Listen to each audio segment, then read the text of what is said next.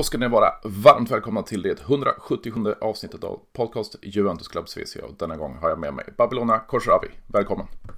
Tackar! Hur är läget denna fredag morgon? Ja, men det är bra, jag har fått sovmorgon. Det är en av de första dagarna på semestern här. Ja, men det är härligt att höra. Det, det, vi har lite liknande situation och, och få, få sova, det, det är få förunnat. Verkligen. Och eh, du är med i podden av en anledning till att jag tycker det är intressant att diskutera. Du, du, du är en calciofil men du har väl lite kopplingar till, till Inter, våran rival med, med lite tidigare eh, funnits på Sempre Inter då. Och sen så hörs du titt som tätt på Sportbladet och Sillypodden. Ja, nej men eh, jag är inte ristad, det är väl ingen hemlighet så. Eh, vi har väl alla våra lag eh, och, och det är mitt sen barnsben. Och hur är då relationen till eh, Juventus? Äh, men det är ju den stora rivalen om man, eh, förutom då mot Milan, så Juventus och det är ju du och alla andra Juventini fullt medvetna om så finns det ju en historisk rivalitet där som går äh, tillbaka länge. Men de matcherna är ju några av de mest magiska att se på plats också, för stämningen på läktarna äh, går ju verkligen att ta på. Det blir ju elektriskt. Så att det är ju, man gillar ju rivalitet det är ju det man lever för. Man vill inte ha det här vänliga half and half halsdukarna mm. och, och den grejen. Det är ju det här man vill åt. Det här nästan hatet. Men sen är det ju när man går från arenan så är det ju dumt. Om du då skulle få välja ett uh, Derby della Mandonina eller ett Derby di Italia? Alltså, jag gillar ju mera, om man ska tala så här läktarmässigt så är det ju nästan bättre på ett Derby della Mandonina. Jag var nere nu, det var ju det i och för sig ett undantagsderby med tanke på att det var Champions League-semifinal. Mm. Uh, med, med de sångerna och den... Uh, det studsar tillbaka på ett annat sätt om man tittar på hur läktarna upplever det. Mot, mot Juventus och de matcherna så är det ju mera eh, ångestladdat. Eller liksom att det, det, finns liksom mer underliggande känslor på ett annat sätt där. Medan det mot Milan är bara där sportsliga rivaliteten. Medan mot Juventus är det mycket mer infekterat om man tittar på hur vissa falanger eh, på läktarna upplever det. Om du hänger på vad jag menar här. Absolut, absolut. Ja.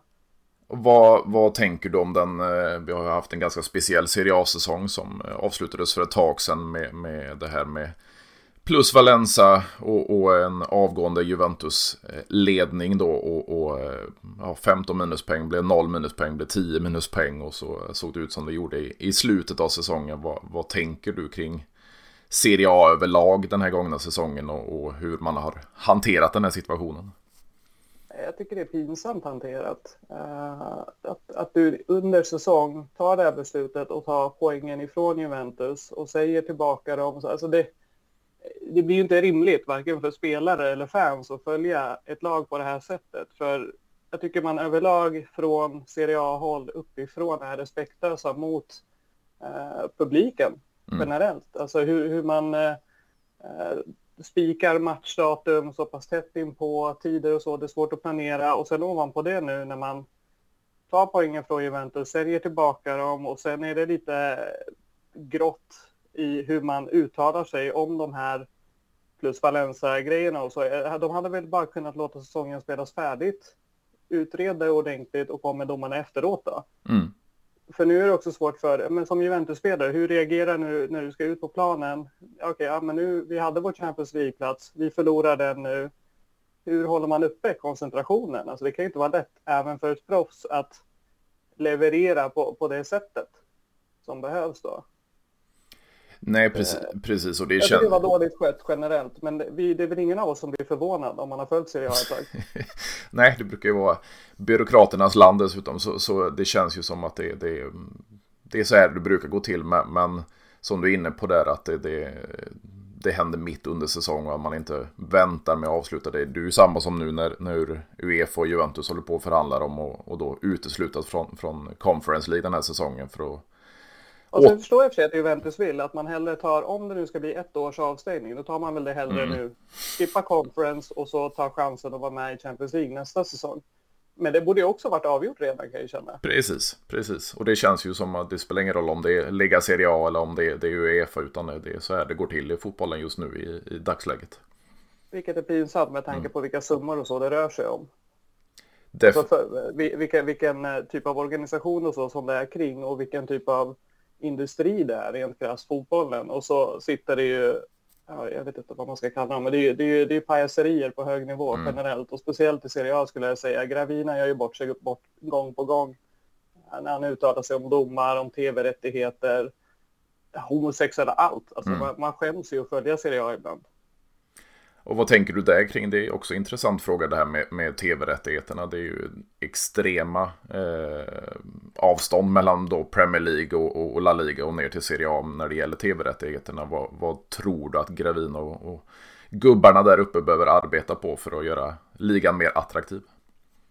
Problemet där är väl att det sitter väl fel personer och förhandlar skulle jag tro. Och sen när man pratar med folk i branschen så säger de ju nu att den här tv-branschen med rättigheterna och så blöder. Det bara titta på hur det ser ut eh, i Sverige med Viaplay och alla de här, hur de skär mm. ner och så. Eh, det har blivit för dyrt. Det, det är inte hållbart. Jag tror inte Premier League heller kommer kunna få de pengarna. Eh, problemet för Serie A är att det inte Förut har man ändå varit stora ja, men i arabvärlden och så. Eh, intresset minskar ju där också och de vill inte heller betala de här summorna som är. Och säljer du en produkt som är undermålig, vi kan ju älska våra arenor och hela den här grejen att man åker dit som ett fan och man upplever det. Men jag menar, när fansen går in och det är hål i marken, toaletter, hmm mm. Alltså allt det här runt omkring, att man har ju inte, man har ju levt kvar på någon typ av legacy från 90-talet och trott att det ska vara så för evigt och det funkar ju inte. Uh, byråkratin runt att klubban inte kan bygga nya arenor för att du har borgmästare och allt vad det är som sätter stopp för varenda typ av planer. Jag menar, Fiorentina har hållit på länge, Milan och Inter har hållit på länge. Eh, det händer ingenting, det, det, tar för lång tid. Alltså, Italien är kvar i stenåldern om man jämför med de andra vad gäller just allting kring klubbarna. Och då blir det svårt tror jag med tv-rättigheter och så också. Och speciellt nu, vad händer nu med hotet från Saudi med mm. där man plockar spelare till höger och vänster? Vad, vilka spelare finns kvar för Serie A om två år? Ja, och där känns det ju dessutom ännu jobbigare om man tar den europeiska fotbollen jämfört med, med Saudi Pro League. När, ja, det har ju talats om i många, många poddar, bland annat i, i Sillypodden du har varit med i, att de, de lägger ju inte stora pengar på, på, eh, på spelarna eller så värva spelarna utan de lägger ju på lönerna för att pengarna ska, ska hållas inom eh, arabiska världen. Exakt, men man erbjuder spelarna summor som det är omöjligt att tacka nej till. Jag menar, det är ju, även om du tjänar bra, men får du ut 6 miljoner euro netto och du kan få ja, men, ett par hundra miljoner euro netto mm. i slutändan för ett kontrakt där. Alltså det, är, det är sådana sjuka summor så att jag tror att även om du är en spelare i din peak så är det ju svårt att tacka nej. Alltså du funderar ju fortfarande på det. Att du kan försörja flera generationer på de här summorna.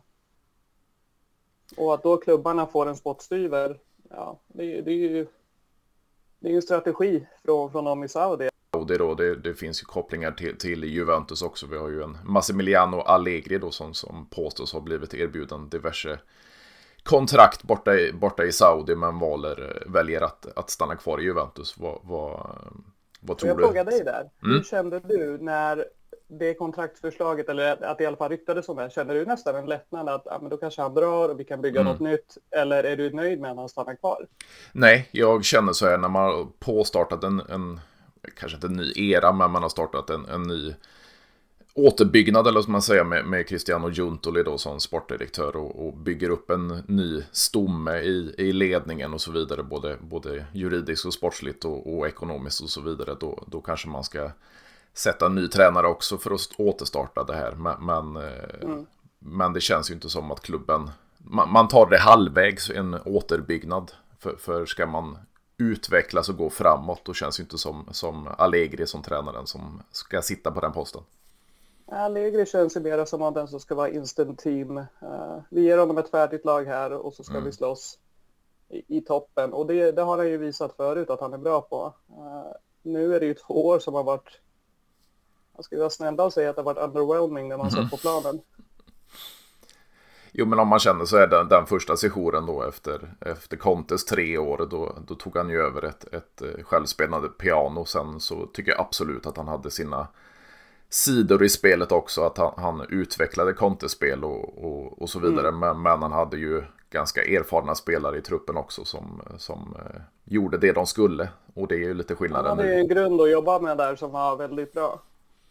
definitivt, och det känns ju som att klubben är lite i spillror efter det här med, med alla juridiska svårigheter och så vidare och den ekonomiska sitsen man sitter i efter en, en värvning då av, av Ronaldo, de Ligt och så vidare och sen pandemi på detta och alla juridiska saker så känns det ju som att det, det, är, en, det är en klubb, kanske inte i spillror, men, men eh, laget är eh, det, är det är fyllt av individualister och har varit de senaste säsongerna. Ja.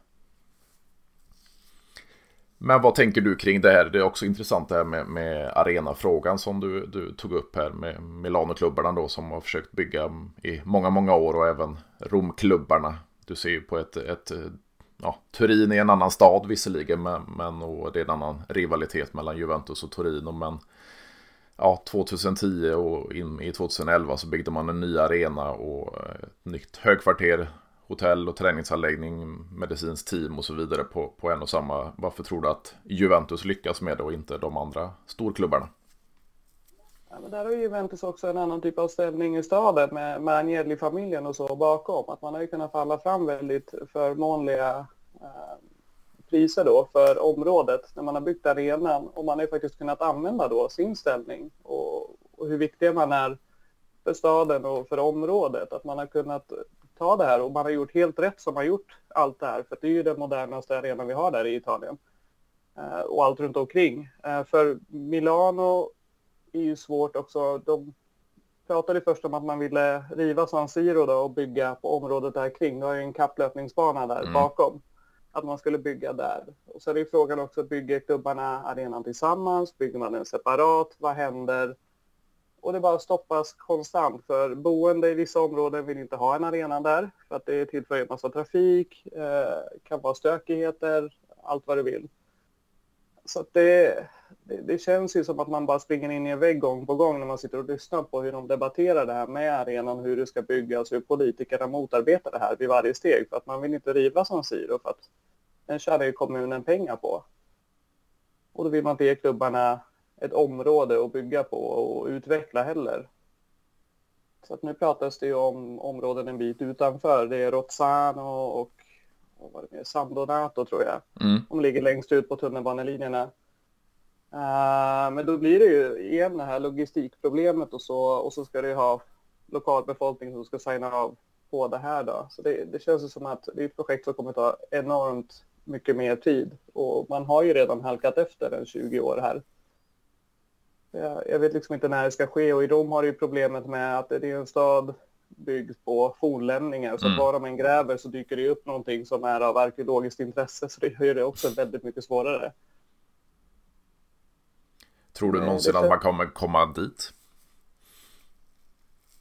Alltså, jag vill inte utesluta det helt, för att då tappar man ju hoppet. Mm. Men det, det, känns ju just nu som att man är i, man är i en återvändsgränd. För fortfarande så vet vi inte. Klubbarna presenterar lite då och då separata projekt för kommunen i Milan och Inter då. Mm. Och ibland så fortsätter de ju gå ut med att Nej, men vi pratar fortfarande om att göra någonting tillsammans. Så jag vet liksom inte var den stora förvirringen egentligen ligger. Om man tittar på det utifrån. För att mm. Eh, ofta ser man ju då eh, Milans och Inters eh, gubbar då stå gemensamt och prata med Beppe Sala, borgmästaren, då, där man diskuterar arenafrågan. Och så här, men vi är villiga att behålla San Siro och vi kan göra det här ihop. Eller så går vi till kommun X eh, och bygger något separat. Så jag vet liksom inte om de är så att de försöker lite grann hota nästan kommunen att ja, men ni förlorar de här intäkterna och så. Vem ska komma till San Siro om vi inte är där? Äh, eller om man på riktigt då tittar på och etablera sig äh, i andra områden. Och vad tänker du kring, kring det här med inhemskt och utländskt ägande? Vi har ju då en som du nämnde tidigare, en familjen Angeli som ägt Juventus i hundra år i år. Eh, vi hade ja. länge en Berlusconi i, i Milan och en Moratti i Inter. Nu är det amerikansk ägo, det, det är kinesisk ägo. Eh, hur tänker du kring det här med att man, man ska ha en förståelse för, för den italienska fotbollen och hur strukturen är uppbyggd och så vidare när det är ut, utländskt ägande kontra då inhemskt ägande? Så det är klart att man hellre hade velat ha Eh, någon som är uppvuxen med kärleken till sin klubb, som har koll på kulturen kring och så. Eh, som, som ägare som kanske har, drivs av också ett supporterskap i grunden. Mm. Um, men världen ser ju annorlunda ut nu och det är ju inte lika enkelt att klicka in pengar som Berlusconi gjorde, som Moratti gjorde. Uh, Berlusconi var ju för övrigt interista i grunden. Mm. Uh, men det gick ju väldigt bra ändå, så att det går ju. Och jag måste säga det att familjen Zhang när de kom in som ägare för Inter har gjort väldigt mycket bra. Man har ju moderniserat en hel del och det positiva när det kommer in utländska ägare att man mm. faktiskt tänker på fansen utanför Italien. Att man ser till att göra fotbollslaget, klubben mer tillgänglig för alla utifrån. Att det är lättare att köpa biljetter, det är lättare att... Bara så små grejer som man själv inte tänker på om man pratar italienska, men bara det att det finns eh, undertexter, att man textar presentationer för spelare, att man tänker på att skapa content just för de utländska fansen, alla de här grejerna runt omkring. Och jobba mycket på eh, värder så värderingsgrejer som man kanske inte pratat så mycket om i Italien och som Juventus faktiskt är väldigt bra på. Det här mm. med homosexuellas rättigheter är man väldigt, eh, det pratar man högt om i sociala medier och så. Eh, men även att de andra klubbarna har börjat också göra mycket mer sånt utåt. Att man tänker på att vi måste representera alla här och det är inte bara våra fans här hemma. Eh, så att det blir en skillnad. Men också att man kanske kommer med ett nyktert öga och tittar på Serie A och ser att det här är ju inte den här ligan som dominerade allt för några årtionden sedan, utan det är en liga på dekis. Vad är det vi behöver göra? Vad, vad behöver vi uppdatera? Och det är kanske inte de eh, inhemska då, förutom i Juventus fall då, men har, har sett att man behöver göra ändringar. Jag tror att det, det, det är tveeggat. Jag hade mm. jättegärna velat ha typ en Giorgio Armani som ägare. Som är ett fan på riktigt, som vill liksom göra någonting och du har lokalanknytningen och hela den grejen. Eh, men, men de, eh, de, de personerna med, med den typen av plånbok eh, är ju begränsade. Mm. Och vad tänker du då kring, kring just Andrea Angeli och, och familjen som, som moderniserat Juventus, även fast det är inhemskt ägande och italienskt ägande så, så har han ju verkligen slått på stort för, för att slå in sig. Först var det den asiatiska marknaden och sen var det definitivt den nordamerikanska marknaden då med, med ta bort de, de klassiska ränderna en säsong på tröjan mm. och, och byta av loggan och, och, och, så vidare. Vad, vad tänker du kring Andrea Angelis arbete under de här dryga 12 åren som han var president för klubben? Han gjorde ju mycket väldigt bra där och det var ju modigt beslut där med att modernisera loggan. Man vet ju hur traditionella fotbollsfans kan mm. vara överlag. Uh, och där tycker jag att man tog väldigt smarta beslut och var tidiga med mycket. Så han såg en potential där snabbt uh, och gjorde det, jag måste säga, i många år väldigt bra. Sen så blev ju den här värvningen av Cristiano Ronaldo lite, ja men du vet, man, man tar ett lite för stort kliv där. Mm. Det var inte det som behövdes. Uh, och det är ju det som har sen visat sig ja, men straffa klubben i efterhand. Uh, att, man, att man har behövt uh, köra vissa, ja, men, precis som många andra klubbar har gjort innan, men att man har behövt göra vissa, värdera upp spelare. Jag menar Arthur-bytet och allt mm. det här. Det, det, var ju inget bra för någon. Pjanic, Arthur, den dealen. Mm. Eller att Cristiano Ronaldo skulle kosta klubben sådana enorma summor varje säsong. Eh, men innan dess tycker jag ju att Agnelli, det går inte, det går inte att tala emot. Det är bara att titta på resultaten också. Uh, hur många år man vann ligan, hur bra man gjorde det och vilket genomslag Juventus fick internationellt på olika marknader också. Just att man blev mycket större i USA. Att man lyckades hitta den här street uh, outfitsen och så som gör att folk faktiskt vill bära tröjorna. Mm ja, men inte bara till match utan man har dem till ett par jeans och så. Att man har, just att man har bytt de grejerna har ju varit väldigt bra. Och det ser vi att många andra klubbar följer nu också. Att, att man gör det överlag i ligan. Roma har ju också varit väldigt bra på just den biten tycker jag. Mm. Om man bortser från, från eh, arenabygget och, och byten av loggan och, och, att man, man blir mer kommersiella ut mot den nordamerikanska marknaden så har han ju även varit med och startat ett damlag. Eh, mm det har ju inte riktigt de andra, eller ja, de har börjat de andra storlagen nu och, och, skapa sina damlag också. Vi såg ett, ett Roma då som, som eh, tog scudetton i, i ligan och så vidare efter fem raka tror jag det var för, för Juventus Women. Eh, mm. Tror du att det är vägen att gå och, och även de andra storlagen startar damlag? Jag tycker att de ska göra det. Nu har ju både Milan och Inter också damlag och det är väl på tiden att, att man faktiskt tittar på den biten. En annan sak som jag tycker att man borde prata mer om är att, det här, att Juventus har det U23-laget. Mm. Eh, att, att, det är ju någonting som kommer ge frukter framåt, det ser vi ju redan. Att det är ju unga spelare som kommer in och är redo och faktiskt levererar direkt. Eh, du har ju sett det i Fagioli och de här andra. Mm. Att, att, det finns ju en potential där. Det var någon mittfältare jag såg häromdagen också som, eh, alltså det, det jobbet är viktigt. Men även damlaget är så att man faktiskt visar att även damerna i Italien som fortfarande är, jag menar, det, det sorgliga är när man går in och läser, säg ett Twitterflöde och så delar klubben någonting om damlaget och så går man in och läser kommentarer och svar under. Så är det fortfarande väldigt deppigt. Mm. Men, men, det är ett viktigt arbete att göra och det är klart att de ska göra det också med tanke på hur man ska bredda klubbens profil och också tänka för framtidssäkra att det, att det är viktigt. Även om det är herrlagen som alltid kommer vara de stora så är det ju här en fin grej att även eh, tjejer som går och kollar och växer upp med laget och kan drömma om att faktiskt bära den tröjan, det emblemet på bröstet.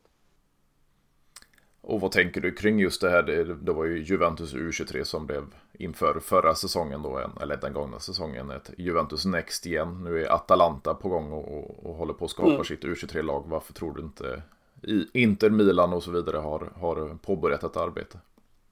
Ehm, för Inter så handlar det ju om kostnadsfrågan. Alltså man har likviditetsproblem just nu mm. Ehm, med tanke på hur ägarna har blockerade tillgångar i Kina. Ehm, det är flera år nu som de faktiskt inte gått in med pengar i klubben. Utan mm. det handlar ju om att eh, Marotta och Asilio får skaka fram eh, någon miljon euro här och där via spelarförsäljningar och, och så vidare. Um, så det är ju det det handlar om. Jag tycker ju Atalanta är ju helt rätt, men där har man ju också förmodligen lägre kostnader att man, man är väldigt bra på att scouta mm. billigt och sälja dyrt. Spelare som kan komma fram där utan press. Uh, så Atalanta gör ju verkligen rätt med tanke på modellen de har där och har ju haft en tränare där så pass länge så då kan du också uh, ha en tydlig spelidé från ungdomsled och uppåt det blir lättare. Så att det, det är helt rätt väg att gå. Det är synd att eh, Milan och Inter inte hängt på det och även med Roma, Lazio och de här storlagen att eh, med tanke på hur marknaden ser ut också för de italienska klubbarna det blir allt svårare att köpa framöver med tanke på att det är konkurrens även från Saudi förutom från PL och allt. Så är det här, ja, det har varit rätt väg att du hittar en 17-åring i Belgien eller vad det nu kan vara och han får gå den vägen istället för att försöka fånga den här 22-åringen som du ska konkurrera med storligorna om.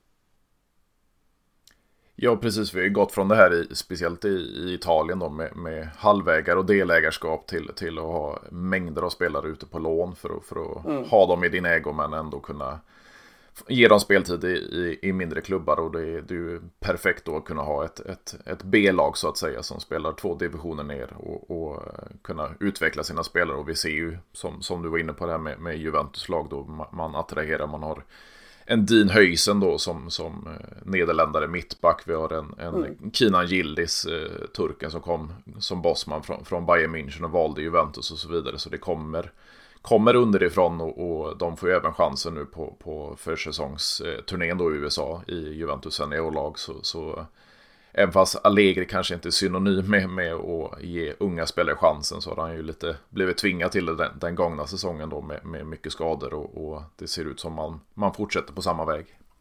Ja, med Giuntoli så är det väl ett steg också. Mm. Han är ju bra på det där. Så det är därför jag har så svårt att förstå vissa av de här ryktena in. Men eh, Alltså, Juve gör helt rätt här, men överlag så är det ju att det här med att skicka spelare på lån också någon säsong hit och dit. Har du en tränare som ja, men vi skickar om man ska spela i Serie A, eh, spelare X 20 år. Mm. Och så drar man honom till ett lag som förmodligen slåss i botten. Vågar då tränaren i det laget faktiskt använda en spelare som man bara ska ha en säsong? Förmodligen inte, nej, om nej. det inte är så att den här spelaren är en extrem talang. Men jag menar, frågar du Juric så vill inte han ha spelare på lån ett år. Varför ska jag utveckla spelare som mm. sen går om ett år? Utan jag vill ju ha min kärntrupp som jag jobbar med och som jag vet finns kvar även nästa år.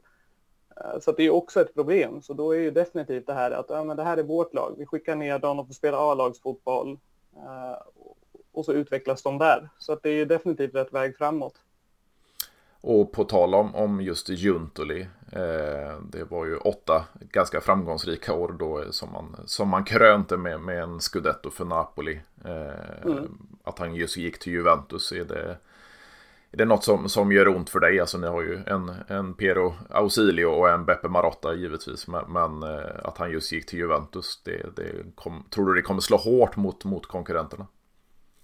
Ja, men alltså det är väl klart att man eh, inte vill att eh, konkurrenterna skaffar en av de bästa sportcheferna på marknaden. Det är ju mm. klart att det är så här, ah, också. Eh, men eh, Juntuli kommer göra ett bra jobb. Så tittar man rent på det så här, ja, det, kan ju, det är ju spännande i avseendet att ja, men, få se vilka spelare han kan fiska fram nu. Även när blir det en ny Kvara. Eh, det blir intressant att, att, se vilket typ av jobb det kan bli i Juventus. Det här är han ju nu lite, det blir en annan situation. För nu mm. behöver han ju sälja spelare också. Eh, behöver bli av med en del dödkött mm. innan han kan plocka in de här spelarna just på grund av de ekonomiska begränsningarna man nu sitter under. Så det blir ju väldigt, väldigt intressant att se honom jobba där och så är det kul också att höra egentligen när en sportchef går någonstans och säger att det här är egentligen klubben i mitt hjärta som barnsben. Mm. Eh, det kan man ju bara föreställa sig som eh, ja, själv, att så här, tänk att få jobba för den klubben som man vuxit upp med, stått på läktarna och tittat. Så att absolut, som, som Interfan, lite ångest är det ju när man får in en väldigt kapabel sportchef. och sen själv då sitter och, hoppas att de inte säljer ja, men, bord och stolar och allt vad det är på Appiano. Mm. Eh, så att det, det, är lite stress inför säsongen, det är det ju. Och på tal om just det här med, med sportcheferi och så vidare. Vi fick ju se en, en, en Sandro Tonali då lämna Milan för mm. Newcastle. Eh, vi har en, en Nicolo Barella då i, i Inter. Är du rädd att ni ska, ska tappa honom? Inte den här säsongen. Eh, med tanke på att man redan har eh, gjort, ja, fått se, Brozovic lämna mm. och Nana igår. Jag tror att han blir väl kvar, hoppas jag, en säsong till. Uh, sen har ju Ausilio varit ganska öppen då, i intervjuer att uh, det, det, här är ju vägen framåt. Att, uh, det, det, blir förmodligen någon spelare som lämnar varje år. Så att, då är det väl Barella eller Lautaro som står next, next in line då, nästa säsong med tanke på att de har varit i klubben då några år och det kan bli här förhatliga ordet, en stor plusvalensa mm. när de säljs. Att värdet i böckerna då är så pass lågt när de har varit där ett gäng år. Och vad, vad, vad, tycker du om, om eh, Beppe Marottas roll? Alltså det, det, det har ju inte gått någon förbi vad, vad, vad han gjorde för Juventus med, med, med Fabio Paratici under sig då. Även kom från, från Sampdoria, den här duon och sen så gjorde Juventus den här Ronaldo-värvningen och det var ju mer Angeli och Paraticis eh, val att gå den vägen och sen fick Marotta lämna och gå till, eh, till Inter då. Var, var, om du jämför lite i arbetet han gjorde under de här 8-9 åren i, i Juventus och det han har gjort hittills i, i Inter med, med eh, Ausilio då. Vad, vad, vad tänker du där?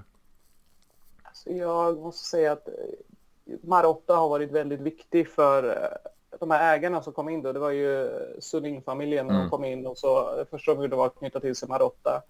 Vilket måste säga, det, det, är en av de bästa grejerna de har gjort. Att eh, en erfaren eh, sportdirektör som kan italiensk byråkrati och känner alla agenter och allt det här och han kan ju navigera i de vattnen som jag tror är svårt för någon utifrån att göra. Eh, har varit extremt viktigt för klubben för att man ska klara sig också i det här med financial fair play och sen med covid mm. Eh, där man fick se intäkterna inte var ju på väg åt rätt håll. Sen kom covid och sen så stängde ju Kina ja, men, plånboken helt då, mm. i samband med det. Att utan Marotta tror jag att man hade haft väldigt, väldigt svårt att faktiskt vara med och utmana i, i topp alls. Alltså jag tror att man hade, det hade blivit banter-era väldigt snabbt utan honom faktiskt. För han, har, han har varit extremt viktig i det här. Han, han kan ju... Han är osentimental också. Han har inga problem med att skeppa spelare om det behövs. Det såg vi med Icardi. Mm. Uh, överlag liksom att uh, han är ju respekterad. Han har en viss tyngd. Uh, så att uh, Marotta har varit, måste jag säga, Suning-familjens bästa värvning. Sett till hur man har organiserat och så kring i klubben.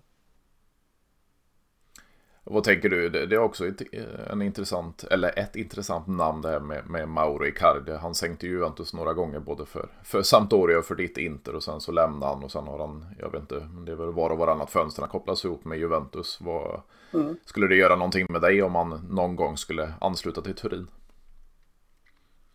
Nej, alltså Icardi känns ju som ett stängt kapitel. Du vet, han var ju lagkapten mm. eh, och sen när han vägrar, Eh, när Spalletti ber honom då att men du, vi ska åka, vi möter Rapid Wien. Vi, vi, vi, har inga anfallare liksom. Och då när han har suttit och pratat om att han har ont i knät och så vidare, postar på Instagram, han och frugan. Eh, och han vägrar. Eh, där och då eh, var ju Icardi slut för de flesta Interfans skulle jag säga. För mig var det definitivt tog slut där. Att vill du inte sätta på dig tröjan, då är du ju färdig. Så att eh, går han till Juventus så skulle det ju vara ytterligare ett lager av hets och eh, en rädsla för, jag menar, säga vad man vill om honom, men det är en killer i straffområdet. Eh, och han, han har ju en tendens att kliva fram i de matcherna som räknas. Eh, så att, men just ur ett rent Att känna något för honom, nej.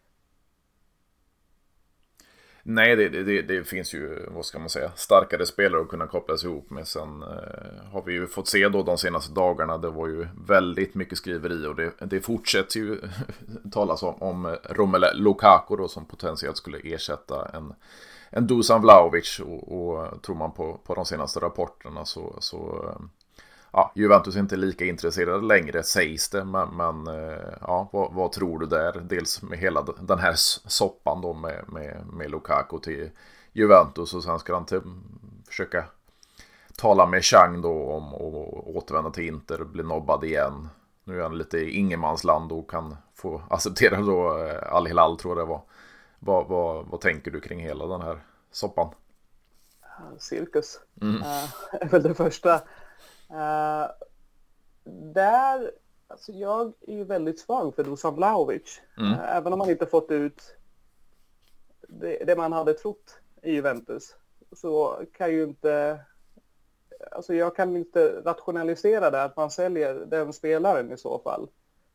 Uh, för Romelu Lukaku. sen rent ekonomiskt så pratas det ju om då en summa på, men säg att man får 80 miljoner euro för Vlahovic. Mm. Uh, då gör man ju, och sen då investera 40 för Romelu. Då gör du liksom, ja men det är 40 miljoner vinst just nu då. Uh, och balansera böcker och allt sånt. Uh, men om man tittar på det framtidsmässigt så är det så ja, jag vet inte hur, hur bra den bilen är. Men ska man prata som interista om Romelu Lukaku när man redan har, och då tar det med en nypa salt, men förlåtit honom en gång då. Mm. När han kommer tillbaka Eh, och sen är urusel och blir skadad. Kostar Belgien eh, ett avancemang i VM, kommer tillbaka, är skadad ytterligare och spelar ungefär två månader och gör det bra och sen pratar de om att han vill komma tillbaka och sen eh, om det här nu är sant då, det, det, får vi också hålla i räkningen. Du som har följt Juventus länge vet ju också att Marotta är jävligt bra på att läcka grejer till press. Mm. Så hittills har vi ju bara Marotta och Inters version här som har läckt ut om det här uh, famösa samtalet där Ausilio lägger på efter 30 sekunder. Mm. Uh, vi har inte hört Romelu Lukakos version här. Vi har inte hört så mycket från hans representanter heller. Vad är det som har hänt där? Tydligt är ju att man har i alla fall pratat med Juventus. Vilket gör att eh, det blir väldigt konstigt här. För har man inte diskuterat med Lukaku, med hans agenter och så. Och man är i färd tillsammans då med de här som representerar honom och stänga dealen enligt vad som sägs då med Chelsea och han inte svarar. Alltså det, det låter ju bara... Det känns som att det är några pusselbitar som fattas här. Det är klart är ju att han i alla fall har betett sig så här förut. Eh, han gjorde ju så när han ville bort från Manchester United, när han kom till Inter. Eh, han eh, Förra gången han var i Inter så två dagar innan han signade för Chelsea så la han ju upp liksom en välproducerad video med hur mycket han älskar staden, hur mycket han mm. älskar klubben. Och sen var han ju tillbaka i klubben i sitt hjärta, Chelsea. Så att eh, jag tror att det är svårt att, att, att riktigt veta vad som försiggår i hans huvud där. Kan det vara det här att han ja, men, eh, inte plockar in Turam? Är jag givet första val där? Mm. Jag vet inte. Jag var bänkad i förmån för Dzeko innan första vändan i Inter så var det ju Conte där som byggde hela sitt spel kring honom och såg till att han eh, såg ut som det monster han var under de två åren. Det, det har han inte haft här på samma sätt. Eh, andra vändan, och mycket beroende på skador. Han har inte varit tillgänglig. Um, och då, ja men om Juventus hör av sig, du blir vår nia, Uh, sägs ju få, men även där då, precis som Inter ändå, bra betalt, mm. även om det inte är Hal-Hilal-pengar. Uh, så jag, jag, vet liksom inte, jag bara, det känns inte som en Juntoli-värvning. Åldersmässigt, kostnadsmässigt. Nej, inte alls. Så, så, känns det inte rimlig. Men jag kan ju tänka mig att uh, Allegri skulle vilja ha den. Så mm. kan det vara att, för Allegri var ju emot Juntoli. Han ville ju, han, vad var det han ville ha? han hade i alla fall någon sportchef som han gärna ville ha in och liksom eh, försökte sälja in då till ledning som han eh, inte fick gehör för. Ricky Masara var det väl i Milan? Ja, det, var, ja, det mm. kanske det var. Mm. Eh, att han gärna ville jobba med honom igen och så. Eh, och då kan det vara ett sätt kanske för Juntuli att visa liksom, jag lyssnar på dig, jag är här. Eh, och Lukaku vet vi vad han kan i Serie A. Man, man kan skratta hur mycket han vill åt hur han kan se ut i vissa avseenden internationellt. Men i Serie A är en frisk Lukaku en faktor att räkna med. Mm. Det blir ju en scudetto-kandidat om du har honom på topp och resten funkar. Alltså har du ett vettigt försvar, du har Lukaku, då är du med och slåss om en scudetto. Uh, så att, make sense i det avseendet. Eh, lågt liggande försvar, slå en långboll på Lukaku. Det behöver inte involvera honom lika mycket som det kanske hade behövt involvera en Dusan Vlahovic i spelet och så. Mm. Um, alltså, ja, jag vet inte, men den däremot, om vi pratar då värvningar, Inter, Juventus och så, där blir det ju visselorkan utan dess like. Mm. Om, om den går igenom. Alltså, det, det hade varit kul att se, i och för sig. Alltså, som Juventus-fan hade jag älskat en sån här värvning. Alltså, snälla, det här hade ju varit magiskt att bara få, just för hetsen och få, få liksom bara så ja men det här var ju eran idol och nu, nu lirar han här liksom. Han slår sig för bröstet här hos oss. Eh, det är, ju, det är ju det här man vill åt egentligen.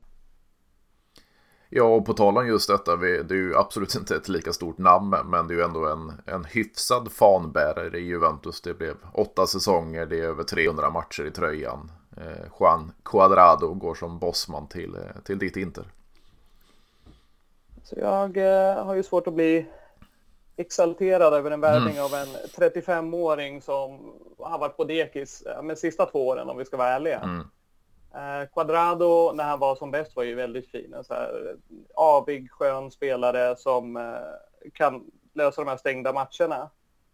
Eh, nu som 35-åring, nej, man, man, man, blir ju inte jättetagg på det, även om jag tror att han säkert kan göra det bra just i de här matcherna eh, inte, har ju inte den typen av spelare. Man har ytterbackar som är väldigt bra på... Eh, de är fysiska, de springer på liksom, som godståg. Men de har ju inte det här... De är inte så tekniska. Det är väl DiMarco lite grann. Men annars har du ju Dumfries och Gosens. Mm. Och Darmian då. Um, så att jag förstår att man gör den här värvningen eftersom man eh, inte vill lägga de pengarna på även en ytter när du faktiskt behöver få in två målvakter och en anfallare till och en mittfältare. Eh, så förstår jag att man gör den. Sen eh, tycker jag också att den här värvningen gör det väldigt tydligt hur skilda läktarna och fansen är från det som sker i styrelserummen. Mm. För fansen vill ju absolut inte ha den här värvningen. Uh, Medan uh, Marotta och resten då tycker att ja, men det här är, det är en spelare med erfarenhet, han har de egenskaper vi söker och han kommer gratis och till en rätt låg lön det är klart vi kör. Då struntar man helt i det faktum att han har varit ja, men, vicekapten i Juventus och hela den biten som för fansen ändå sticker i ögonen. Ja, men det var ju bara ett par månader sedan han uh, vevade mot Handanovic. Mm. ja, det, det, är så jäkla konstigt också. Jag såg där, det var väl uh, Inters kurva norr då som var ute och, och de skulle först protestera mot, mot värvningen och sen så var det att de skulle, eh, vad var det, eh, tala hans värderingar inför den här eh, ankomsten och så vidare. Men, men, som du säger, det är ju inte fansens värvning. Det är ju inte det. Och sen så tycker jag också att det där blir så löjligt. Mm. Ah, vi ska protestera och så bara går de ut med det brett. Och sen så dyker det upp ja, men ett gäng medelålders män med en banderoll och så bara, men vi växlar inte ut banderollen, vi går upp och pratar med dem och sen så kommer de ner och så bara, men vi har beslutat oss för att vi ska prata med Quadrado. Men alltså han är 35. Vad är det ni vill han ska ändra nu? Han har spelat för en klubb, han har representerat den klubben och gjort det bra. Uh, vad, vad, vill ni att han ska göra liksom? Han ska göra en säsong i Inter. Vad är det ni vill att han ska ändra på? Vad är det? Alltså, nej, jag, jag blir så trött. Alltså just den delen har jag så svårt att förstå. Alltså vad är det? Vadå värderingar? Alltså, jag, jag tycker om tifon och så. Jag tycker det är skitnice. Sen vet jag inte om jag skulle gå till just kurva personer för värderingar.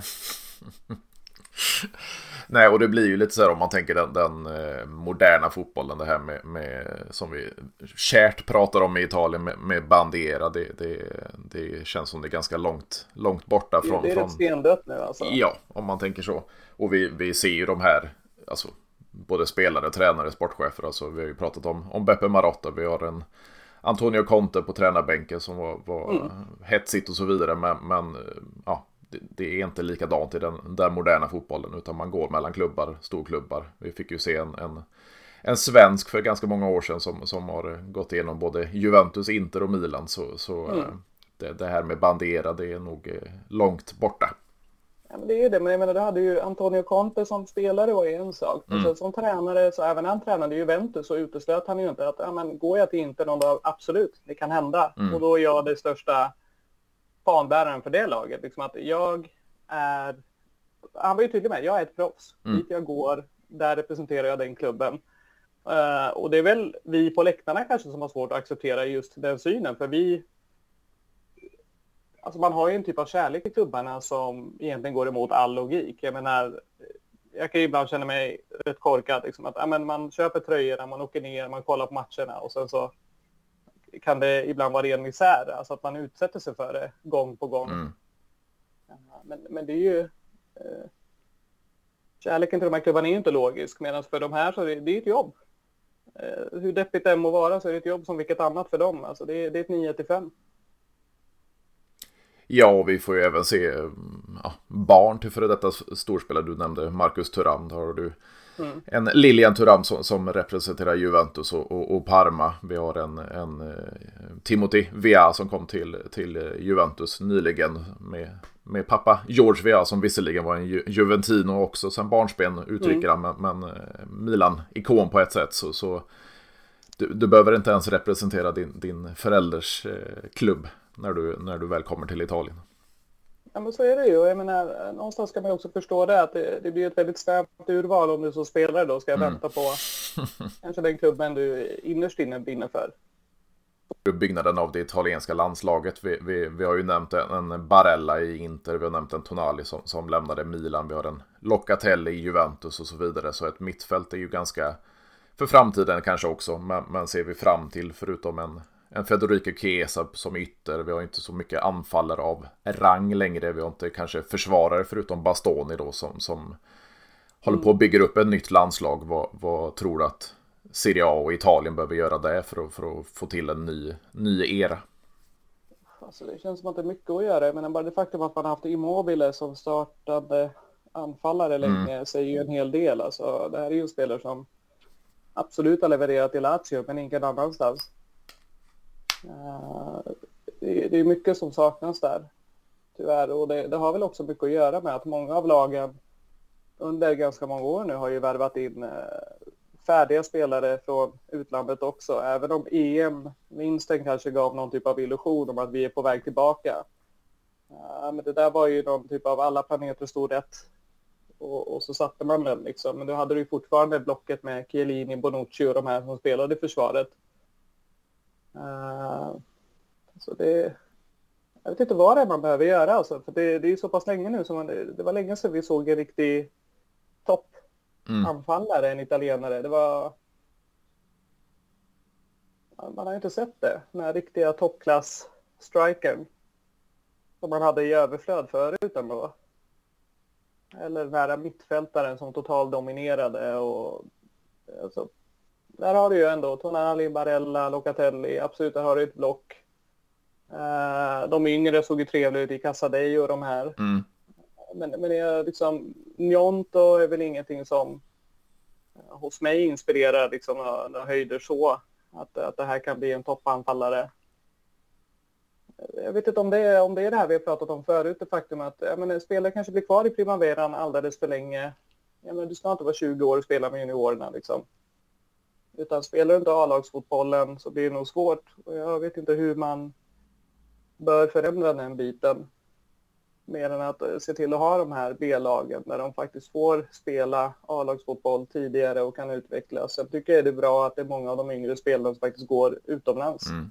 Att de går till klubbar i Holland, i Tyskland och numera även då Premier League och faktiskt även på ungdomsnivå spela där för att de kan få chansen. Men, man har lite svårt att satsa på de yngre spelarna. Du betraktas fortfarande som ung när du är typ 23. Mm. Och, det, och det är inte rimligt när du ser spelare som startar i Champions League som är 17, 18 och de har visat att de håller i andra ligor och klubbar. Mm. Jag vet inte, hur känner du med den? Har du någon magic bullet som vi kan pitcha till Mancini och Co?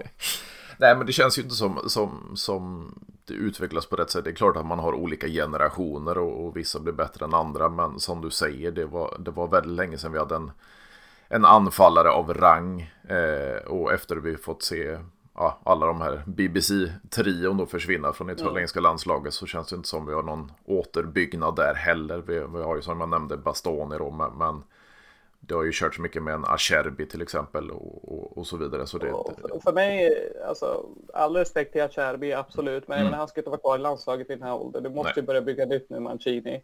Speciellt efter att man misslyckats i kvalet, att du då inte försöker bygga någonting med Scalvini, Bastoni och de mm. här. Du måste ju börja om. Du kan inte fortsätta kalla Darmian, du kan inte fortsätta kalla Bonucci, eh, Acerbi. Det räcker nu. Alltså, tack så jättemycket, men nu bygger vi någonting nytt, alltså något framtidssäkrat. Eh, även om det inte blir bra direkt, och det blev det inte med de här äldre heller. Men, men börja om nu. Och det är ju det här som är just det här när man håller kvar spelare alldeles för länge i de här rollerna. Så det, du kan ha med någon som kan vara liksom skön gruppledare liksom och visa på värderingarna och så på landslagssamlingen, absolut. Men nu är det ju så att de faktiskt spelar och det är en annan grej. Ja, och sedan är det lite det här med om man ska ta, ta spelarens eh, sida, var lite att man rannsakar sig själv. Vi har ju en situation nu med, med just Bonucci som, som eh, då satts utanför truppen och så vidare med ett år kvar på kontraktet. Vi såg ju tidigare en Chiellini som, som valde att eh, lämna Juventus då för att, för att göra ett sista äventyr i MLS. Varför tror du att eh, Bonucci försöker hålla sig kvar och vad, vad tycker du om, klubbens eh, beslut då att, att lämna honom utanför? Så jag tycker om man ska jämföra det intelligensmässigt så har du ju Chiellini som är på en annan nivå så mm. Bonucci. Eh, det, det, är ju väldigt tydligt. Så att när han tog ju ett helt rätt beslut där. Eh, ett sista äventyr också och tackade av klubben på sina villkor. Mm. Eh, Bonucci har vi ju sett att han har ju tagit beslut förr som ja. kanske inte varit helt genomtänkta. Gå till Milan, bli lagkapten, fyra mot Juventus. Mm. Och sen komma tillbaka och tro att folk bara ska glömma hela den grejen. Um, så har du suttit så mycket på bänk nu som du har gjort senaste säsongen och klubben gör det, ja men känn för det att du, det kanske är dags för dig att eh, hitta någonting annat nu. Jag menar, har du någon typ av värdighet själv?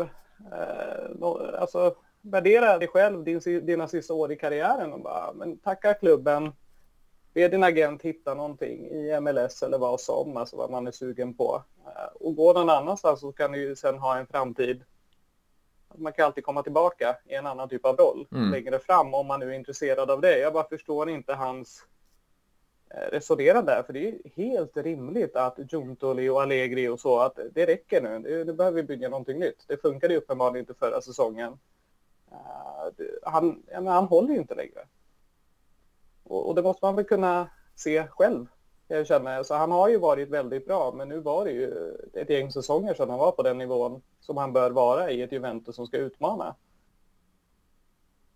Så att, eh, jag tycker väl att eh, klubben, eh, jag antar att man har hållit många diskussioner mm. och sen så till slut har man väl fått gå ut med att ja, men, han, McKenny och eh, Pogba är väl också hemma.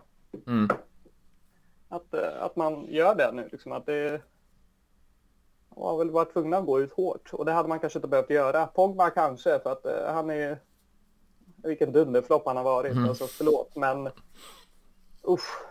Uh, där, där måste man ju se till att få någon Saudi-klubb på, på mattan och liksom att locka dem och ta honom. Uh, för där känns det som att han, är, han sänker ju Juventus just nu, både ekonomiskt i att han tar en enorm lönepost och gör det svårt att få in någon annan. Uh, och sen är han ju aldrig tillgänglig för han är skadad konstant.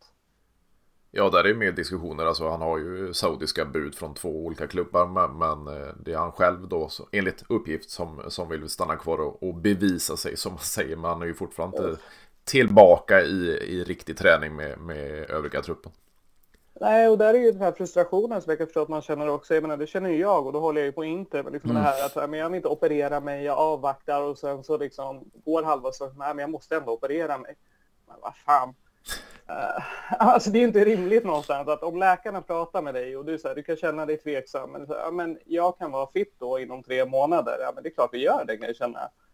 Uh, du, du, har ett jobb som spelare, det är vara fit och sen kunna leverera. Uh, så att, nej, jag... Pogba hade jag ju ändå trott skulle fortfarande kunna göra skillnad i Serie A, men där har vi också sett i Premier League hur länge han var skadad och mycket och så i, i United också.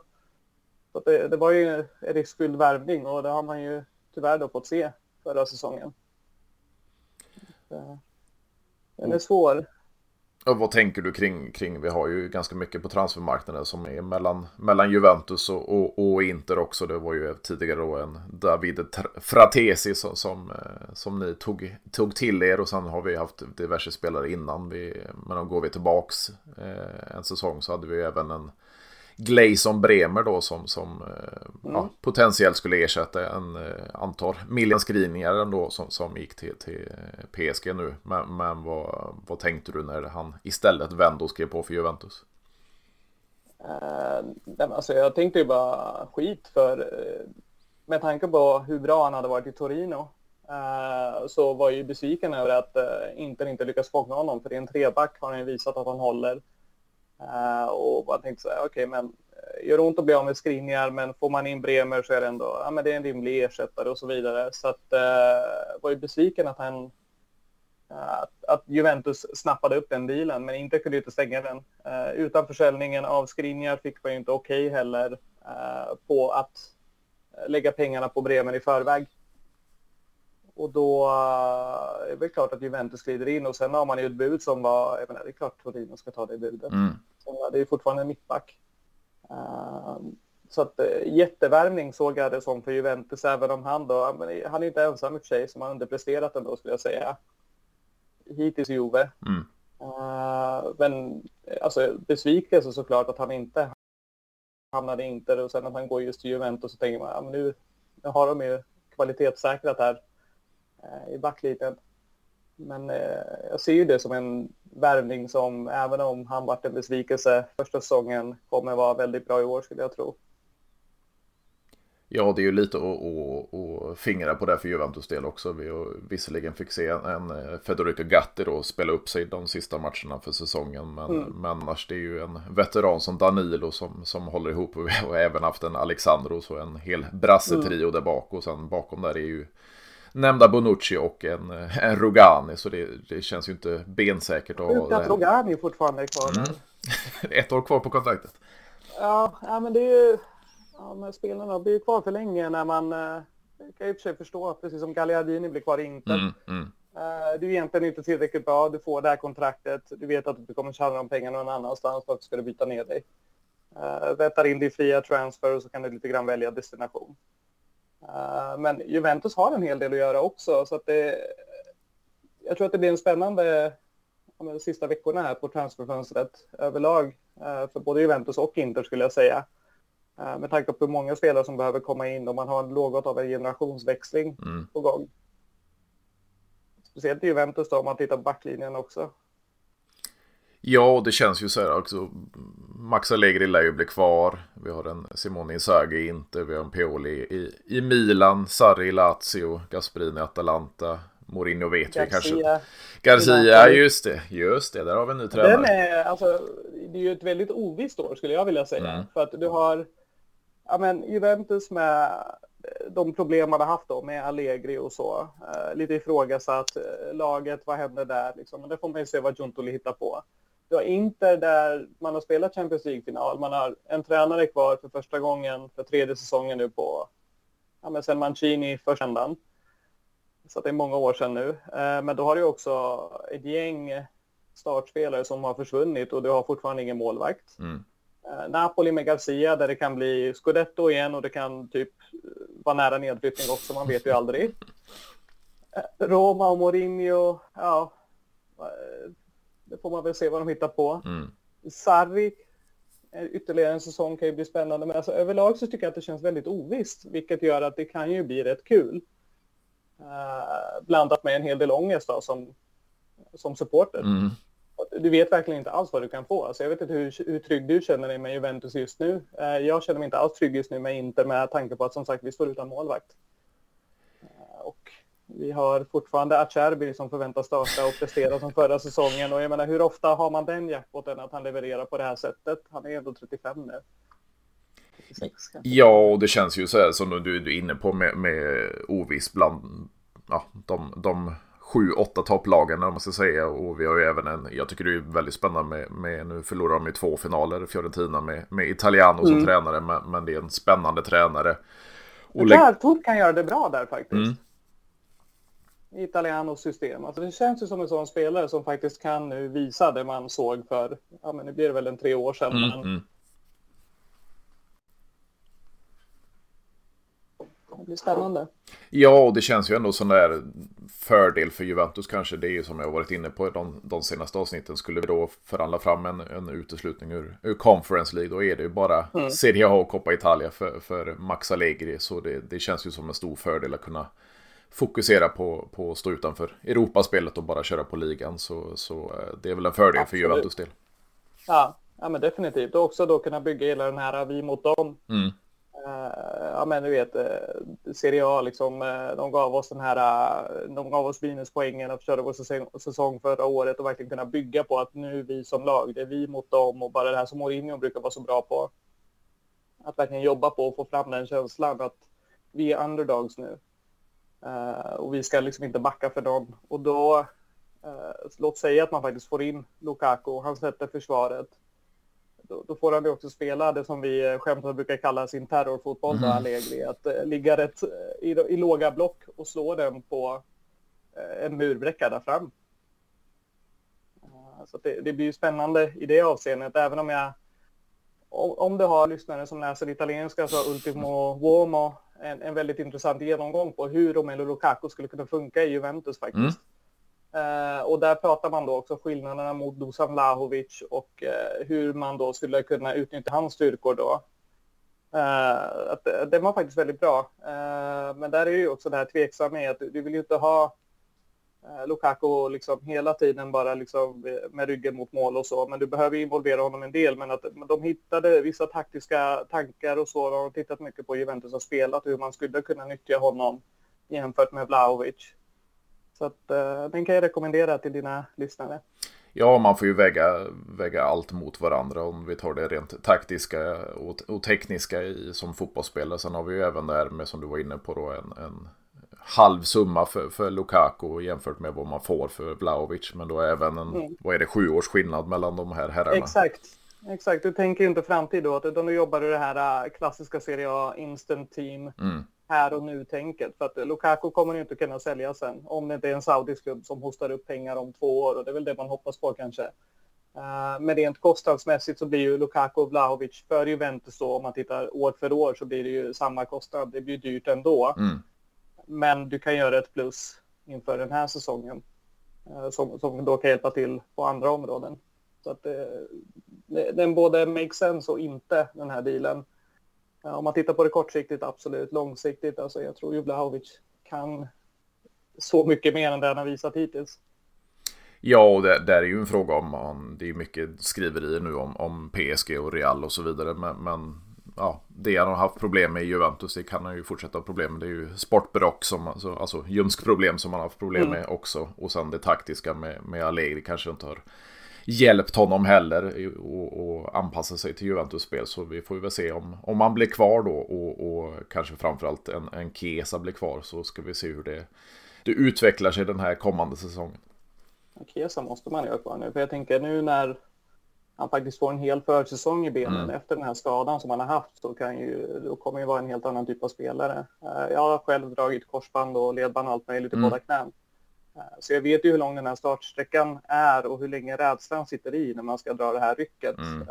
Just att det är nog väldigt nyttigt för honom att bara få träna upp sig en hel försäsong och verkligen få jobba på de bitarna.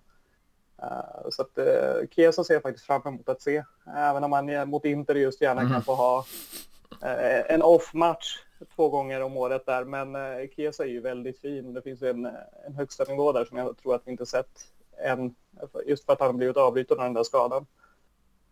Ja, man fick ju se lite tecken efter säsongen så, så gjorde han ju mål direkt för, för landslaget och nu mm. han ser väldigt fin ut under försäsongen just nu så jag hoppas verkligen att han kan komma tillbaka till sitt, sitt forna jag och kunna bli den här explosiva spelaren som han var. Ja, och det är ofta det man tappar just i mm. de här skadorna, är att du, du tappar ju det här första steget som är så viktigt för den typen av spelare. Men eh, med tanke på vilket stab och så man har runt sig, Juventus och så, och kring landslaget så lär han ju alla förutsättningar ändå kunna hitta tillbaka till eh, och bli så nära den spelaren han kan bli igen. Ja, det känns ju som, alltså den åldern han är i, det är ju lik, liknande och då drog ju Nicolo Saniolo båda knäna mm. också. Mm. Och, och, han börjar väl sakta men säkert hitta tillbaka till, till eh, vad han var tidigare. Sen kanske han inte når samma höjder, men, men det känns som att han är på väg tillbaka också. Så, så Keres, ja, Kesas ålder. Där hos ju Saniolo tillbaka lite av det mentala. Han mm. är inte riktigt mogen. Eh, Chiesa känns ju mycket lugnare i det där. Och sen så byggde han på sig mm. enormt mycket, Saniolo. Eh, där känns det som att Chiesa har hållit tillbaka på det. Att han är ju absolut fit och så, men han är inte byggd som en ja, styrketränande snubbe mm, liksom, i det avseendet.